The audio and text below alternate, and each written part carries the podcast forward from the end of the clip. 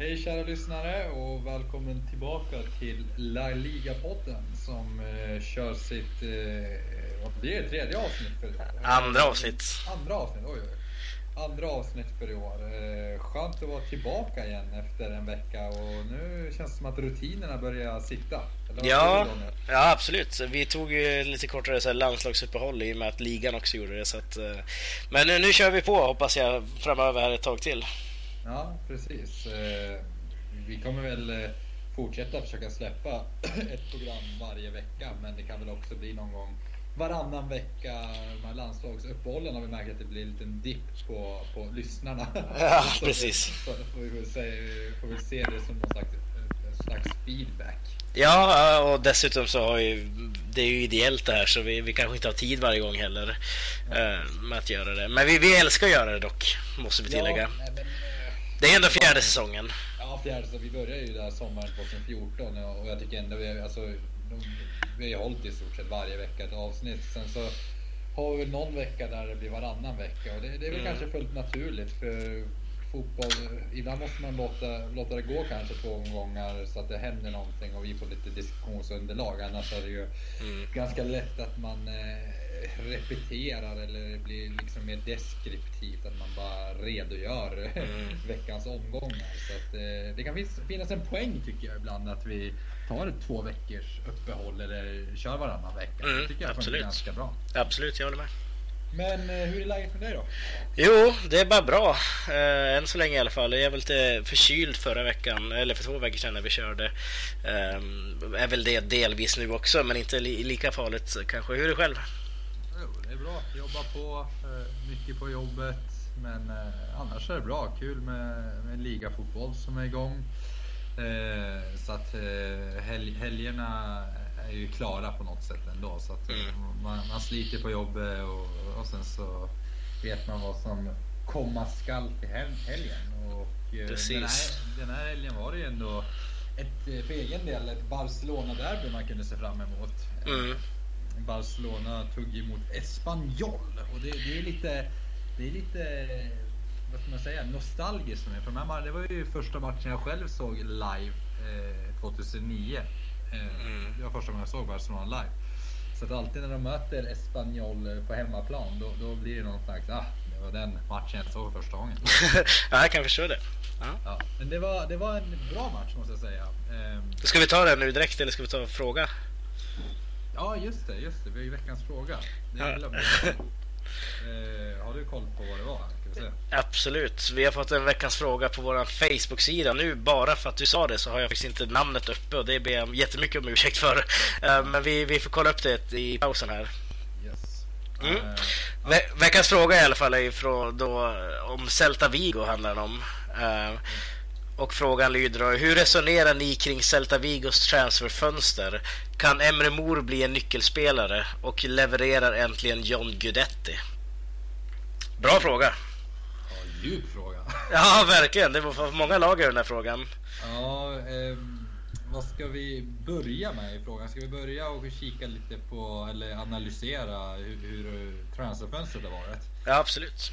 Eh, jag kan ju börja med att eh, kanske rabbla upp vilka de har värvat in, så kan vi ta det därifrån. Mm. Eh, de har ju värvat in som sagt som eh, Emre Mor som, som nämndes i, i Från. Dortmund, ja. Mm. Men också har de värvat in från Nordsjälland har de värvat in Stanislav Lobotka som jag faktiskt har ingen koll på överhuvudtaget. eh, sen har vi Maxi, Maximiliano Gomez och eh, Josebed Sanchez. Mm. och eh, Gomez har ju börjat intressant. Ja, verkligen. Det kan man inte sticka under stolen. Alltså apropå om man kopplar ihop den där frågan med det, det är John Guidetti liksom så får ju han det allt tuffare nu när Gomes gör det så här bra eh, där, där uppe liksom som anfallare. Så att han och Aspas ser ju väldigt starka ut tillsammans där i alla fall. Eh, Emre Mor har ju egentligen inte eh, hunnit komma in i den här rollen än i, eh, i Celta Vigo, men jag tror absolut han kommer kunna vara en eh, spelare för det här laget och leverera i alla fall. Han har inte fått så många chanser i Dortmund, eh, men däremot så är det ju en spelare som många tror mycket om, så att eh, det ska bli intressant att se vad Mor kan gå för. Men Gomes absolut, tycker jag har varit en fruktansvärt bra värvning. Väldigt bra scoutat också måste man säga.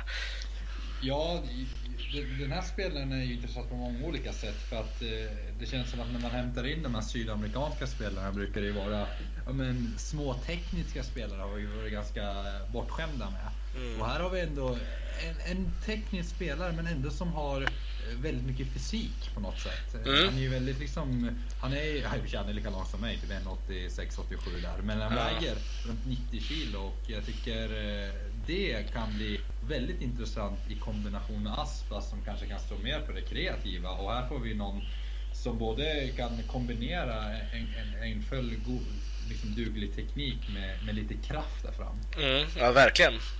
Uh, och Ungern också, 21 år gammal.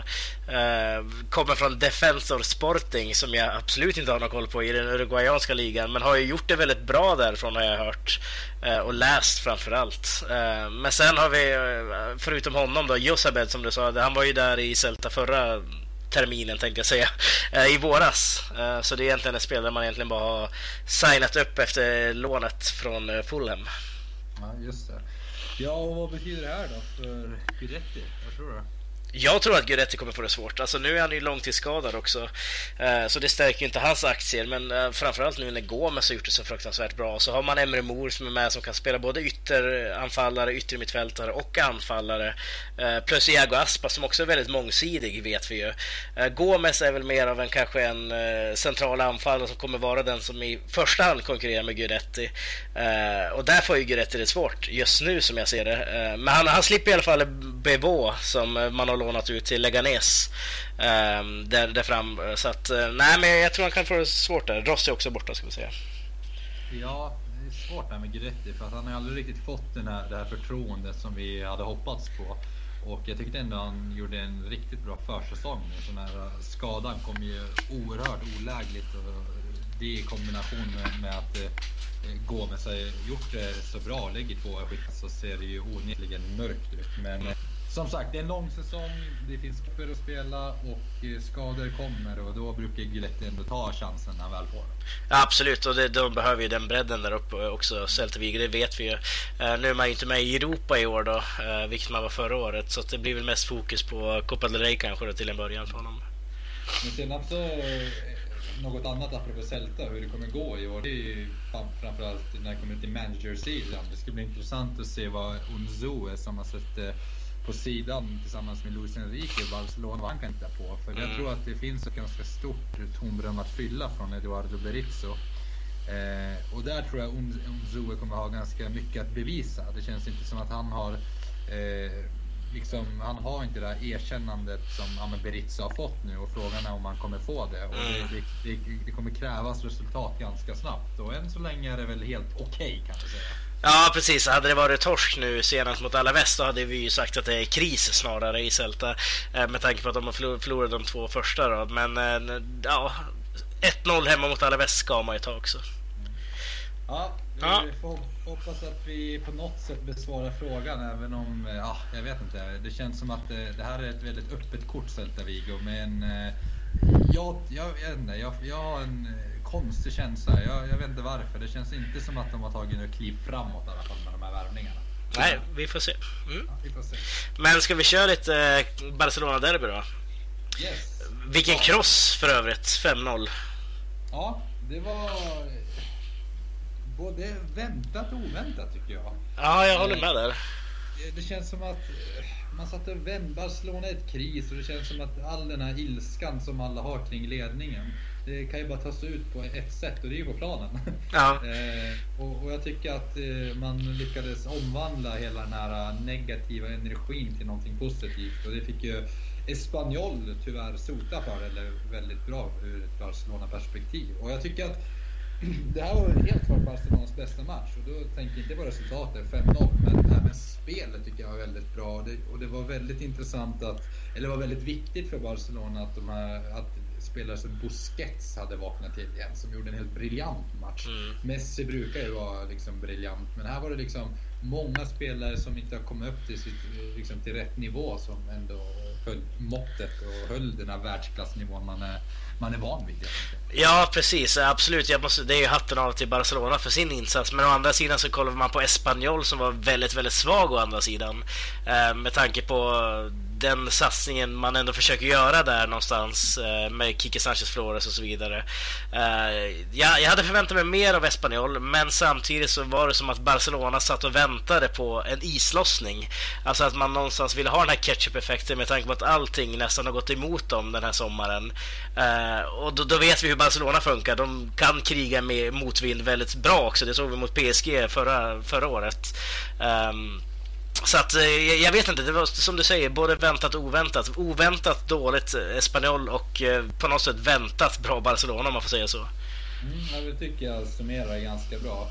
Och eh, förutom nämnda Piqué som jag tyckte gjorde, eller Busquets som gjorde en fantastisk match och jag Jordi Alba också gjorde kanske en av sina väldigt länge. Mm. Men, men jag håller med angående Espanyol de, de har ju ändå på något sätt, ja men ska vi kalla det en stor satsning ändå? Ja men det får man väl göra i deras mätt i alla fall.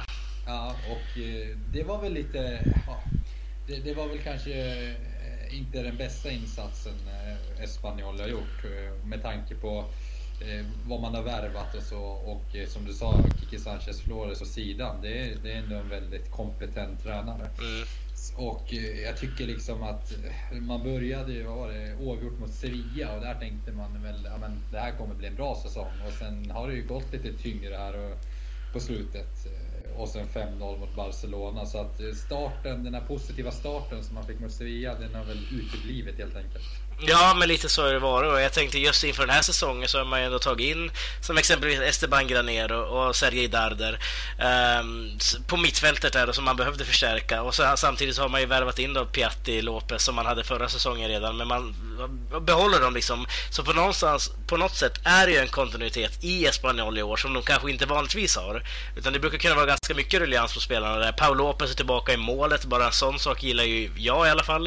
Eh, han har ju varit borta ganska länge länge. Men samtidigt så såg, såg jag inte någonting i Espanyol som gör att åtminstone jag ska känna någon oro för att de ska kunna utmana eh, om högre liksom, höjder än så här.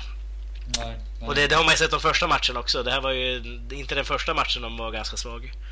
Nej, jag håller med. Eh, alltså Espanyol ska ju med, med på pappret så kommer de ju faktiskt vara, liksom, slåss om Europaplatser. Det, det, det ska de göra. De förväntningarna mm. måste vi ha på dem. Ja. Eh, så att, och, jag, och jag tror faktiskt att eh, vi kommer se dem där i mittenträsket, övre halvan av det. är jag helt övertygad om. Eh, men vi får se. Eh, jag har ju stora förväntningar på Leo Battistao som, som jag är väldigt förtjust i. Och, som i sina bästa stunder är en, en målskytt av rang. Och, och även i den här matchen så hade ju faktiskt Espanyol sina lägen. Man kunde mm. ha putsat till siffrorna och med lite flyt hade det här kanske blivit lite tajtare. 5-0 kanske inte speglade matchbilden helt och hållet. Nej, nej, det håller jag med om. Eh, men sen har vi Dembele som du pratade om här innan sändningen som du var lite imponerad av. Ja, jag tycker man fick se. Nu spelade han, kom in i typ 70 minuten och fick 20 minuter där. Och eh, jag tycker man såg väldigt mycket av hans kvaliteter. Han fick, han fick accelerera där eh, i en situation och jag tycker det finns potential med sam, samarbetet med Semedo där på högerkanten. Så att Barcelona kommer ju få har ju en högerkant som är, är potentialt väldigt farlig. Vi får se om den, om den lever upp till de förväntningarna. Men han är bara 20 år den här eh, Dembele och eh, frågan är vilka, vilka förväntningar man kan ha på honom. Eh, för mm. det går inte att jämföra honom med Neymar och grejen är att Barcelona är egentligen på pappret ett sämre lag i år än förra säsongen.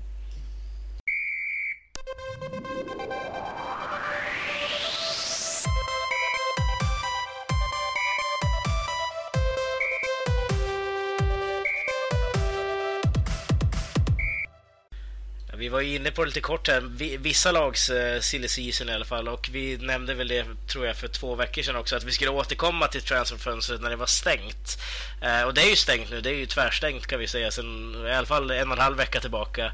Eh, och de spanska lagen har ju värvat klart och sålt klart för denna gång. bara rent spontan känsla Sam av transferfönstret, så har det varit mer eller mindre kaotiskt i år? Ja, det, det, känns som att det var en riktig ruljans på spelare både in och ut. Eh, väldigt många nya namn. Vissa klubbar har värvat otroligt många spelare och för den delen tappat otroligt många spelare. Mm. Samtidigt så har vi vissa klubbar, men exempelvis Real Madrid, som knappt har värvat någonting. Nej. Som, eh, vilket man inte är van vid eh, de senaste tio åren i alla fall. Eh, sedan så även Barcelona som behöver, behöver förstärka och inte lyckats få in allt för många nya spelare. Nej, men det har varit som en press på dem nästan tycker jag, Barcelona, att de måste värva. Eh, och därför har man ju som tryckt upp priserna när det gäller Barcelona också någonstans. Jag menar 40 miljoner euro för Paulinho, alltså det hade man inte fått en, på ett, alltså i ett normalt fönster egentligen. Alltså, man har ju pressat upp det mot Barca menar jag. Ja, verkligen. Mm. Och grejen är, det är ju den här Neymar-affären som har förstört hela marknaden. Mm. Eh, den var redan galen som det var, men att köpa in en Paulinho för 40 miljoner euro från Kina, det låter ju inte liksom Barcelona-kaliber över det. Och i sanningens namn att Osman Dembele går för 105 miljoner euro, det är ju liksom det, det är inte okej. Okay. Nej, precis. Eh, men jag, jag, tycker Barcelona, fine. Vi, vi vet att det är kaos där, men jag tycker det är intressant att titta på Sevilla. Sevilla det är alltid mm. kanske den mest intressanta klubben när det kommer till värvningar. Ja, verkligen. Blivit lite bortskämd de senaste åren med att de ska sälja smart och, och värva in väl, ännu smartare. Ja, det har ju lite varit så här Monchis taktik tidigare. Nu är han borta i och för sig, men det känns som att de ändå fortsatt i hans spår där nästan. Ja, det känns som att strukturerna i klubben fortfarande är detsamma och, och Monchi var förmodligen inte ensam i, i, i den där i den där framgången att kunna värva billigt och sen sälja dyrt och samtidigt ha ett väldigt slagkraftigt lag. Mm. Och eh, jag tycker man har återigen gjort ett, ska vi kalla det, ett Monchi-fönster utan Monchi. Ja, men lite så, verkligen. Lite så. Alltså det, om man bara kollar liksom så här, Vitolo absolut jättetungt tapp. Eh, Konoplyanka likaså någonstans även om han inte var lika uppskattad i Sevilla som han kanske borde ha varit. Eh, men Vitolo och Konoplyanka om vi snackar två yttrar eh, är ju borta. Men istället då, då tar man in Navas och Nolito och det är ju nästan en förbättring skulle jag vilja säga där. Så på den sidan så tycker jag inte man alls har förlorat någonting på att Vitolo har lämnat utan man har fått in Nolito och Navas som någonstans är mer rutinerade och egentligen bättre fotbollsspelare också skulle jag vilja säga. Ja, det, det, det är inget att tveka om. En Nolito som når, når sin eh, högsta nivå och även Jesus Navas är ju bättre alla dagar och veckor än, än Vitolo. Så att där har man ju bara höjt sig. Men det, det, det, jag skulle vilja verkligen lyfta fram det är ju Ever Banega som hade en fantastisk session senast i Sevilla och, mm. och kommer tillbaka. Och vi vet ju att får han också in sin högsta nivå så är, det, är ju där liksom tre världsklasspelare skulle jag säga. Mm. Eh, och på pappret har ju Sevilla ett fantastiskt mittfält. Det, Verkligen. Och eh, får, får eh, eh, Berizzo ihop det här, då tror jag precis som ja, men vi är vana vid de senaste säsongerna så kommer ju Sevilla ta en topp 4-plats. Mm. Eh, och vi har ju till och med varnat för att Sevilla skulle kunna utmana Barcelona om andra platsen. Mm. Och det är inte omöjligt, även om Barcelona gjorde en väldigt bra match så vet vi att Barcelona är väldigt ojämna. Ja, verkligen. Är det någon gång Sevilla ska kunna göra en bra säsong och utmana här toppduon så är det väl i år. Ja, alltså det, det, det stora ryktenas man var ju annars San Pauli i Sevilla. Alltså om han skulle stanna eller lämna. Det var ju rykten ända sedan han tog över nästan. Att han skulle ta över Argentina förr eller senare. Det gjorde han ju också till slut.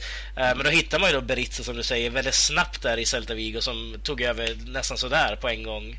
Uh, och det har ju varit väldigt viktigt att han fick hela den här sommaren också tror jag, Berizzo. Därför han känner det här. Det, han, har, han har varit med och liksom handplockat de här spelarna. Uh, hade han kommit in nu i augusti exempelvis när de här spelarna liksom är värvade, då kanske det var helt andra spelare som hade stått på planen.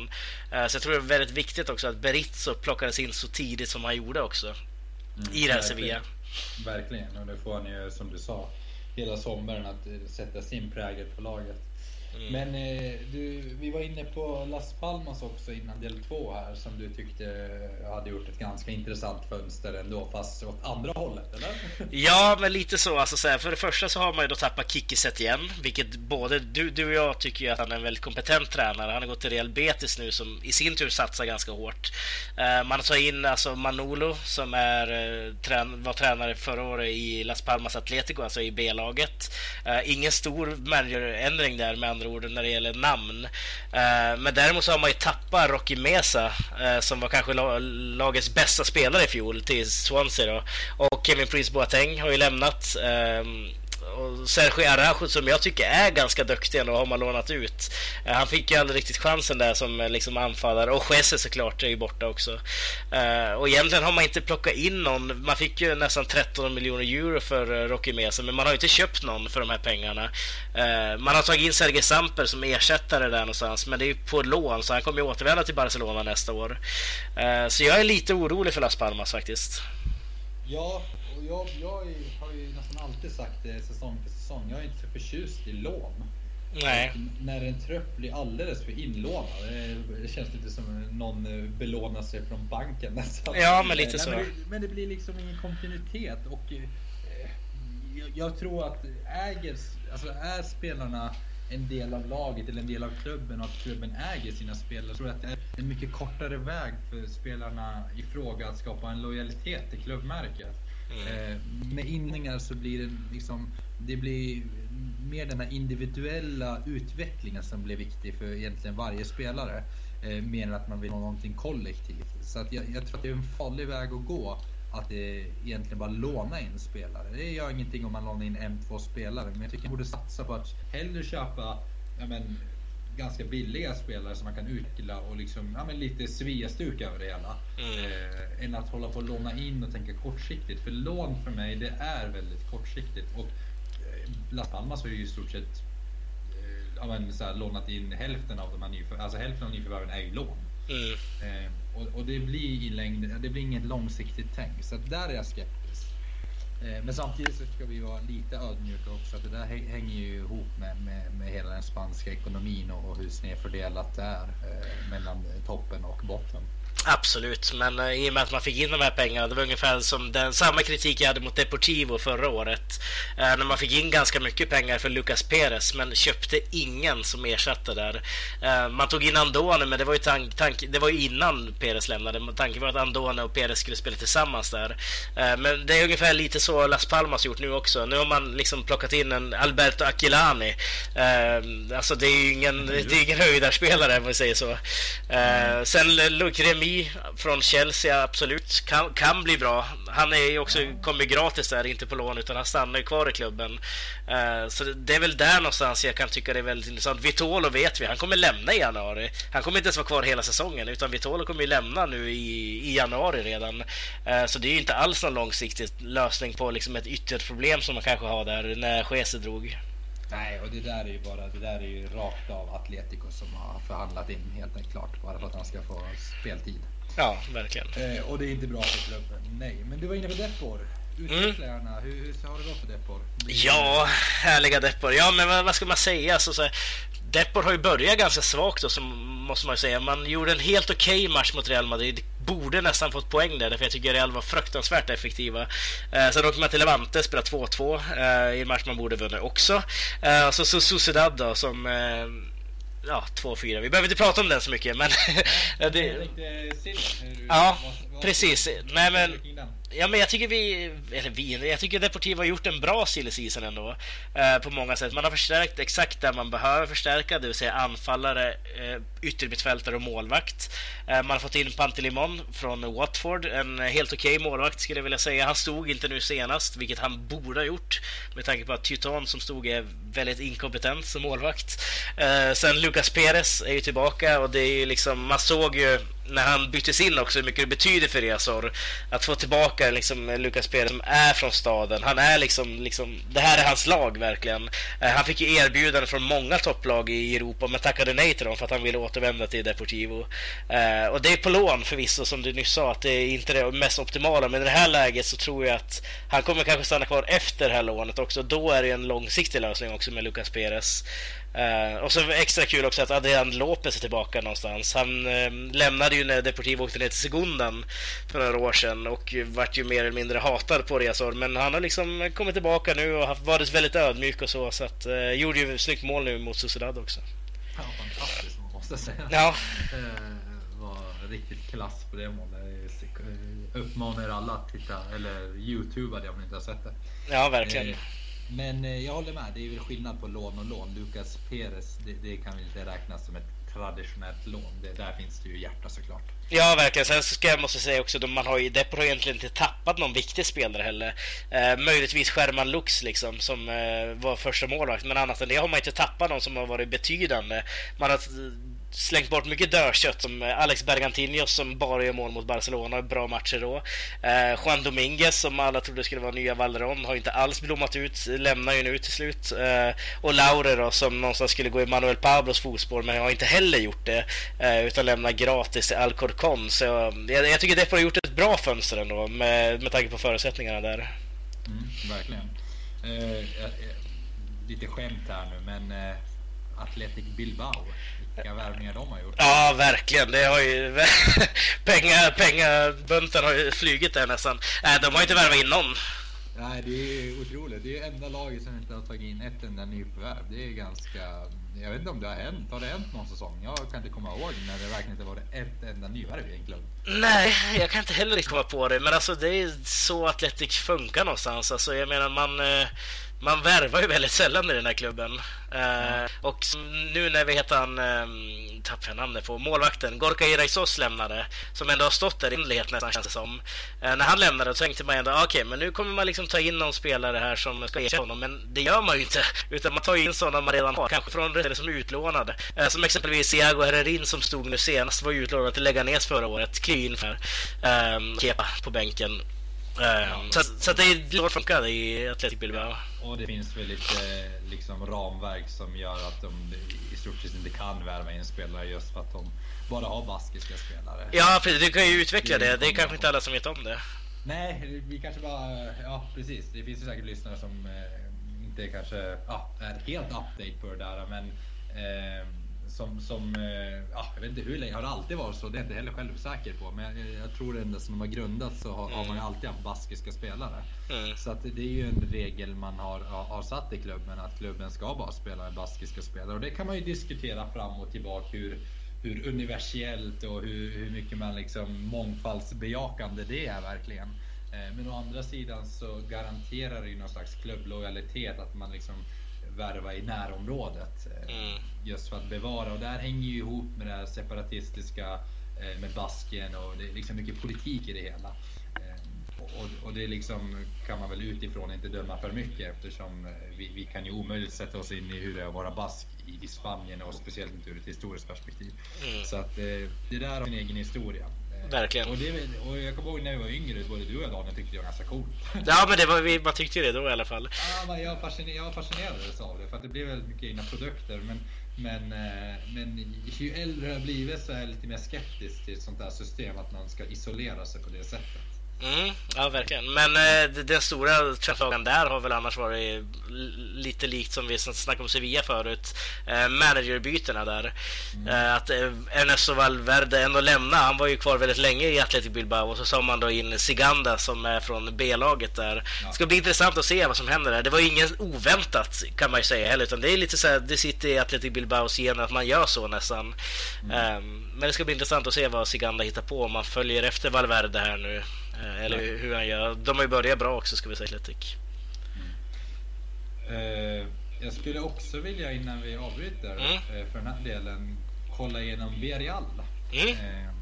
Villarreal som jag, har väldigt svårt att bestämma mig för om de har gjort ett bra eller dåligt fönster. Jag tänker man, har, man, man, man sålde Matteo Musacchio till Milan på 18 miljoner euro. Mm. Man gjorde sig av med Soldado för ja, 5 ynka miljoner till Fenerbahce. Dos Santos eh, tog sitt pick och pack och åkte till eh, USA. Eh, det är ändå tre ganska ja, tunga tapp på många sätt. Mm. Och jag vet inte riktigt om man har ersatt de här spelarna på bästa sätt. Visst, Ruben Semedo från Sporten Lissabon, helt okej. Okay.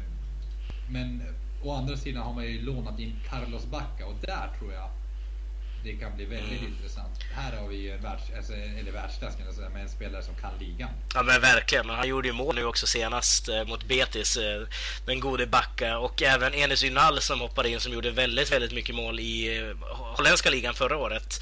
Han var utlånad då till ett femte tror jag det var från Manchester City. Eh, gjorde väldigt mycket mål och många tyckte också då, det snackades mycket om Ünal och han fick ju hoppa in nu eh, mot Betis och gjorde också mål direkt när han kom in nästan. Eh, så jag tycker anfallsmässigt tycker jag det ser helt okej okay ut ändå. Um, så att eh, Soldado kommer ju inte att saknas för mycket. Han gjorde ju mest mål på fasta situationer, på straffar där nästan. Eh, Jonas dos Santos, absolut väldigt mångsidig spelare. Eh, det, han och honom har man inte riktigt ersatt. Det skulle vara Pablo Fornals möjligtvis där.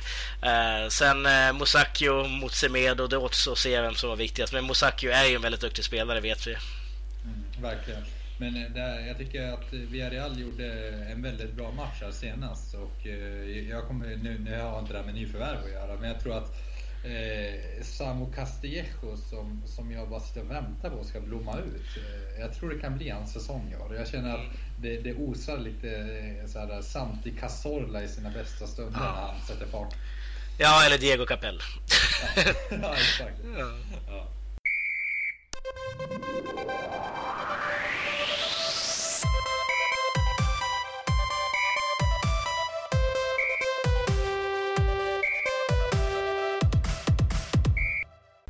Hett diskussionsämne som har eh, diskuterats flitigt i, i, både Spanien men även i Sverige, om vi ska säga i Sverige och span, spanska kretsar i Sverige. Ja, I alla fall vi. Ja, i alla fall vi. Ja. vi är spanjorer, men i La Liga-kretsar. Mm. Eh, vilket i och för sig hänger ihop med, med, med, det vi ska prata om. Det är ju att flytta vissa ligamatcher utomlands eh, från, från, ligan som, var, som är väldigt, alltså det är ett kontroversiellt eh, förslag som ja, enligt Javier Tebas, då, eh, ordförande för La Liga, kom, kan ja, äga rum redan nästa säsong. Mm. Och, och, det har ju varit... Eh, vi har ju haft lite diskussioner i podden tidigare kring det här med moderniteten inom fotbollen och kommersialiseringen och eh, globaliseringen och mm. hur man ska förhålla sig till hela det här. Och eh, ja, jag vet inte riktigt vart vi står. Vi har väl båda någon slags traditionalistiska hjärtan. Det är nästan som att man blir lite eh, konservativ i, i när det kommer till sådana här, såna här idéer.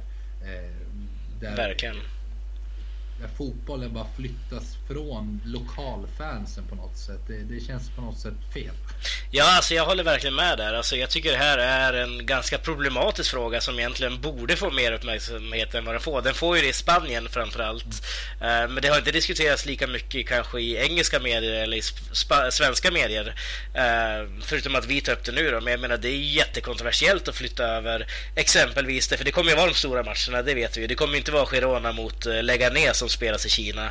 Eh, utan det kommer ju vara El Clasico, Det kommer ju vara liksom Madrid-derbyt. Det kommer vara de där matcherna som flyttas eh, från då eh, lokalbefolkningen någonstans som kanske ändå inte har råd, det vet jag inte, eh, att se de här matcherna. Men ändå, jag tycker att det är ett steg i fel riktning.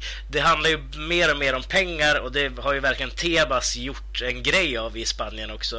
Eh, det är bara att se hur han lägger matcherna liksom nu. Ehm, så de här 12 matcherna i september, det är ju det är för varmt för att spela de matcherna. Eh, jag såg Mendelibar, i, tränaren i Eibar gick ut och sa det att när matchen spelas eh, så sent som 18.30 i Sevilla, och Sevilla är ju då Europas varmaste plats ska vi säga, så klagar han på att man lägger den här matchen bara för att pengar ska genereras. Eh, men det går inte för att liksom, det kanske funkar i England att ha matcher den tiden, men det funkar inte i Spanien eh, med tanke på att det geografiska läget av Spanien. Då. Eh, och i det här fallet så tycker jag också det är liksom väldigt väldigt dumt i och med att det bara handlar om pengar någonstans. TV-rättigheterna... Men, det, men ja. gör det verkligen det? Alltså, så här, han, jag håller med att majoriteten av hela den här utvecklingen drivs av någon slags kapitalistisk idé och liksom eh, drivs av marknaden och drivs av, eh, av pengar helt, helt enkelt. Men å andra sidan om vi tänker mer på, på ett mer så här, eh, filosofiskt plan eller om vi tänker på ett mer, mer global, någon slags jämlik globaliseringsnivå så tänker jag men det, det finns ju ändå en poäng i att att fotbollen har globaliserats. Jag menar Barcelona, Real Madrid, de här stora lagen har ju även fans utomlands. Har ju även fans runt om i hela världen. eh, som kanske till och med är medlemmar i klubbar, ska inte de också ha rätt egentligen att, att få ta en del av, av, av kakan av sitt favoritlag? Mm, ja, det är ja, intressant frågeställning måste jag säga. På delvis håller jag med dig, men samtidigt så är det liksom det är ju det här traditionella, men samtidigt så har vi då under somrarna exempelvis, då har vi de här Kina-turnéerna, vi har de här Skandinavien-turnéerna, vi har USA, vi har Sydamerika där lagen åker till. Eh, nu säger inte jag att Spanien ska ha patent på Real Madrid eller Barcelona. Eh, men å andra sidan så tycker jag inte heller att marknaden ska styra för mycket, vilket det kanske gör i det här fallet. Eh, att man ser att okej, okay, vi får si och, si, si och så mycket pengar på att spela El Clasico på Santiago Bernabéu. Hur mycket betalar ni i Beijing för att vi lägger matchen där? Men det, men där är jag överens. Jag tycker också att det är fel drivkraft som driver fram det här. Mm. Men jag tänker om drivkraften hade varit någon slags jämlikhetsprincip snarare. Eh, och då kan vi ju säkert konstatera att då hade man aldrig flyttat matchen såklart. Eh, men om, om, om det hade varit så, alltså utfallet blir ändå detsamma. Eh, så tänker jag liksom att det skulle i och för sig vara intressant. Det är ju hela den här diskussionen om vi ska ha någon slags global superliga eller en europeisk superliga. Ja, det kanske är nästa steg i, i fotbollen som man, som man själv som fotbollsromantiker har väldigt svårt att ta till sig eller vilja förändra. Eh, just för att man har sin egen liksom, tradition man ser tillbaka på. Eh, och ett annat perspektiv också man kan ta inta för att argumentera för, nu, nu argumenterar jag för bara för att lite. Eh, eh det är ju att det är också lite konstigt att vilja jag tänker det är många investerare, många som eh, liksom eh, europeiska klubbar som får väldigt mycket pengar eh, genom reklam från, från liksom bolag och företag och privatpersoner från olika delar av världen. Och jag menar man kan ju inte å ena sidan acceptera så mycket pengar eh, som man sedan spenderar och liksom på klubben och sedan inte ge tillbaka någonting. Jag förstår vad du menar, men samtidigt så tycker jag att vi tar mer och mer steg i fotbollen eh, mot det här. Eh, nu kanske jag låter väldigt nationalistisk när jag säger det, det är inte så tanken är. Men vi går mer och mer mot den här globala fotbollen med en Champions Cup och så vidare. Att de här bästa lagen ska ha sin egen liga. Du har ändå varit lite mer för det än vad jag har varit. Men jag har ändå liksom, vi har ju Champions League, vi har världscuperna. Man kanske ska utöka det istället. Man kanske ska utöka den här världscupen till någonting som ändå betyder någonting. Att man spelar matcher mot de här lagen och åker dit och de får komma till Europa och visa upp sig på samma sätt som Real Madrid åker och visar upp sig i Kina. Eh, jag tycker att det ska vara liksom ett utbyte där någonstans snarare än att det ska vara att en hel liga med de stora matcherna ska flytta till eh, ja, New York och spelas där och bli en plojgrej snarare än att eh, det är någonting annat. Det är bara att kolla på England. För tio år sedan så hade de samma diskussion. Där så var det så massivt, massiva protester från fans och politiker och så vidare. Så att man var ju tvungen att lägga det projektet. Nu har det startat i Spanien här eh, och jag tror också att det inte är det enda landet som diskuterar det här just nu. Jag tror kanske England fortfarande är inne på att eh, eventuellt lägga matcher utomlands och jag tycker det är fel. Ja, jag tycker också i grunden det är fel och jag tycker också att det finns en poäng att fortfarande hålla det lokalt. Liksom man mm. har en hemmaarena. Eh, det är klart att man ska spela sina hemmamatcher där, ett annat är ju bara löjligt. Men jag är däremot inte främmande som du också var inne på det här med att Eh, vi kanske måste komma ur det här, de, de nationella gränserna. Att det kanske är eh, framtiden, när, hur, vare sig man tycker om det eller inte, att, att det ska i alla fall bli någon slags europeisk superliga. Eh, det tror jag är faktiskt ett ganska rimligt steg att ta. Jag tycker ju inte det. Jag har aldrig riktigt tyckt det. Jag, jag tycker att det blir någon slags en isola, alltså, isola, vet du, protektionism någonstans av de här storlagen. Att de ska liksom få det de vill och det de pekar på mer eller mindre. För det är ju så. Alltså skulle Malmö FF vilja vara med i en Champions Cup skulle de aldrig få vara med där. För att de är inte, de genererar inte de pengarna som exempelvis Chelsea och Atletico, Real och Barca, Bayern München gör liksom. Ja, det kanske blir lite protektionistiskt, men samtidigt så vill jag ju inte ha det som typ eh, nu, nu kanske det har förändrats i NHL, för där kan man ju åka ur men ändå vara kvar för mig i ligan. Mm. Eh, eller det är i alla fall någon amerikansk sport så. Jag tycker fortfarande man kan ha någon slags konkurrens och meritokrati, även om vi vet att i praktiken innebär det fortfarande att de med starkast resurser alltid kommer vara i toppen. Eh, så ändå liksom, ah, jag vet inte. Jag tror, jag tror bara att de nationella ligorna i framtiden vare sig du vill eller inte, inte kommer finnas kvar. Sen är inte jag heller för att man ska flytta till andra sidan jorden och komma så långt ifrån hemmaarenorna. Det tycker jag är fel.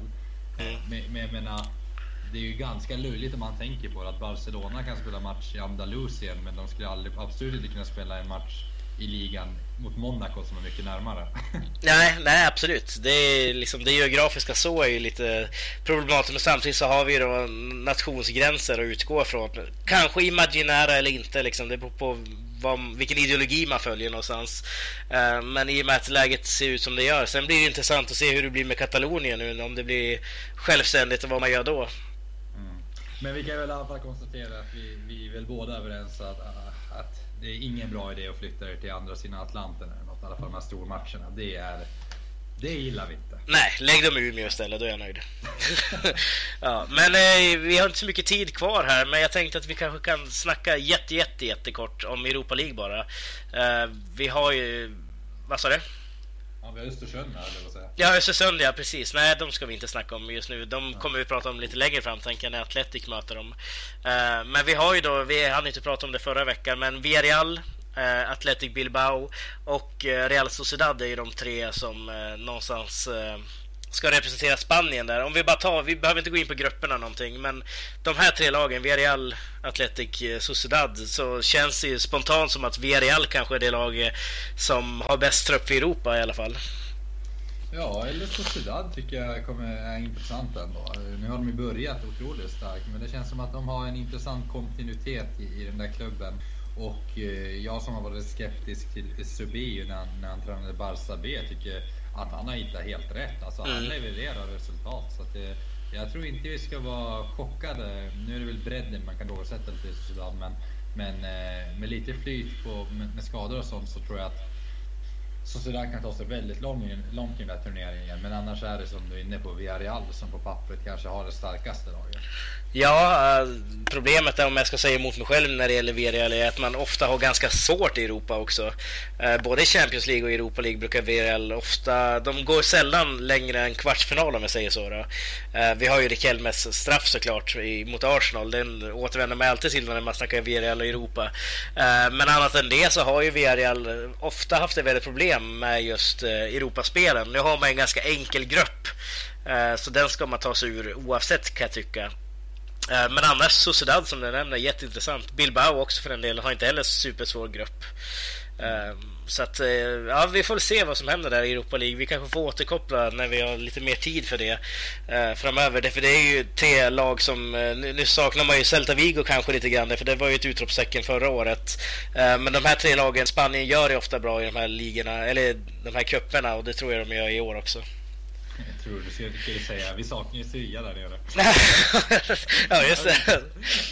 Lite så är de har ju du äh, patent på, på den där uh, pokalen. Ja. Fem, sex år. Ja, lite Eller ja, tio år. Ja, verkligen. Um, Men äh, ska, ska vi... Vi får, vi får återkomma. Ja, vi får återkomma med det. Vi kan ju tippa match så länge då. Uh, tiden börjar rinna ut som sagt. Men vi tippade ju för två veckor sedan Spanien-Italien. Det var ju landslagsuppehåll. Uh, kommer du ihåg vad du tippade? Tog ju 2-0 till Spanien va? Ja, det stämmer. Jag tog 2-1 till Spanien och matchen slutade ju 3-0 till Spanien. Nej. Eh, men vi var nära ändå. Ja, måste jag säga. Spanien är på gången. Det är intressant inför VM här. Ja, verkligen. Kul. De är obesegrade under loppet i Gui ska vi säga också. Ja. Eh, men den här veckan då kör vi La Real mot El Real, alltså Real Sociedad mot Real Madrid. Vad tror vi där? Mm. Wow, vilken match! Eh, snacka om timing för, för Real Sociedad och, och ta emot Real Madrid med, med den här formen. Medan Real Madrid har sett lite halvknackigt ut resultatmässigt, mm. även om spelet fortfarande ser helt okej ut. Eh, samma maskin fortfarande på, på, något sätt. Men det blir en tuff match och eh, ah, vad ska vi tippa här? Jag tänker Real får inte tappa något mer. Man ligger där fyra poäng efter Barcelona. Mm, Ronaldo bort. Ja, men jag tror faktiskt det blir ett kryss här. Jag tror det. Ja, du tror på tredje raka krysset för Real alltså? Ja, jag tror det. Jag tror det. Jag tror... Eh, eller så blir det en slags catch-up-effekt. Nej, men jag, jag drar till med ett kryss. Det var ja. länge sedan jag tippade kryss för Real. Jag, gedigen segrar har jag tippat det senaste halvåret. ja, vad, vad tippar du för resultat då? Jag tror 1-1. 1-1. Ja. ja. Nej, jag tror ju att eh, det roliga börjar för Real nu och jag tror att det roliga tar slut för Real Sociedad nu. Uh, Real Madrid ska vi säga först att det går lite bättre för dem. Um, så jag, jag, tror att det blir en så här tight, tight match. Står 1-1 väldigt länge. Sen kommer någon och knoppar in en kråshörna till 1-2. Så 1-2 till Real Madrid. Ja, ja precis. Ja, så då har vi det. 1-1 och 1-2. Yes. Listan, har vi sån? Ja, vi har en lista och eh, när vi ändå är inne på det så ger vi veckans Trocero till Real Sociedad som har börjat väldigt bra. Jariamendi kanske också förtjänar en liten extra stjärna i kanten efter matchen mot Depor. Han var mm. riktigt bra. Ja, Men eh, bra start av Esubio och hans Real Sad. Delad etta med Barcelona. Eh, bäst målskillnad i hela ligan så det ser bra ut helt enkelt. Ja, verkligen. Eller, bäst målskillnad har man inte, man har gjort flest mål. Ja, så väldigt, smarta byten också ska vi säga. Eusebio gjorde det. Släng in Vela med kvarten kvar när Depor går på knäna nästan. Eh, så Carlos Vela springer nästan bara igenom det där försvaret. Ja. Eh, så att Eusebio läste spelet bra kan vi säga. Så att eh, ja, den köper jag. Den köper du. Mm. Eh, sen har vi veckans Faubert då. Och den delar vi ut helt enkelt till Las Palmas. Mm. Inte, inte nog med att man eh, ligger sist. Nu har man ju för sig match ikväll här där man kan eh, vända på stuken. Men jag tror Espanyol kommentarer där. Då. Men eh, vi var inne på det, de gjorde ett dåligt transferfönster. Eh, där man inte riktigt har använt sig av pengarna man har fått in. Nej. Eh, och eh, det kommer bli tufft i Palma eh, den här säsongen. Och med tanke på hur bra hur bra man faktiskt eh, såg ut bara förra hösten och, och även säsongen innan det så har det gått åt fel håll. Ja, det är verkligen ödesmatch som spelas just nu också mellan Malaga och Las Palmas. Malaga som också värvat dåligt, det nämnde vi aldrig. Eh, men som också har börjat väldigt dåligt också med 0-1 förluster mot Girona och Eibar. Eh, så att där någonstans hade jag också kunnat slängt den, eller till Espanyol som föll så väldigt ja. enkelt. Exakt, jag tänkte ge den till Espanyol, men jag ändrade mig faktiskt. Jag tänkte att, eh, nej, Espanyol, vi väntar lite med den. Ja, absolut. Ja. ja, men det låter bra.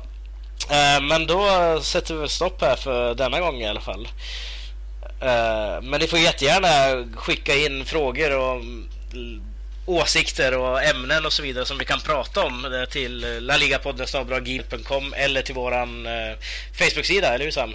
Ja, precis. La Liga-podden. Det är bara att söka via snabb svarsfrekvens. Att, eh, vi är snabba. Ja, det är vi verkligen.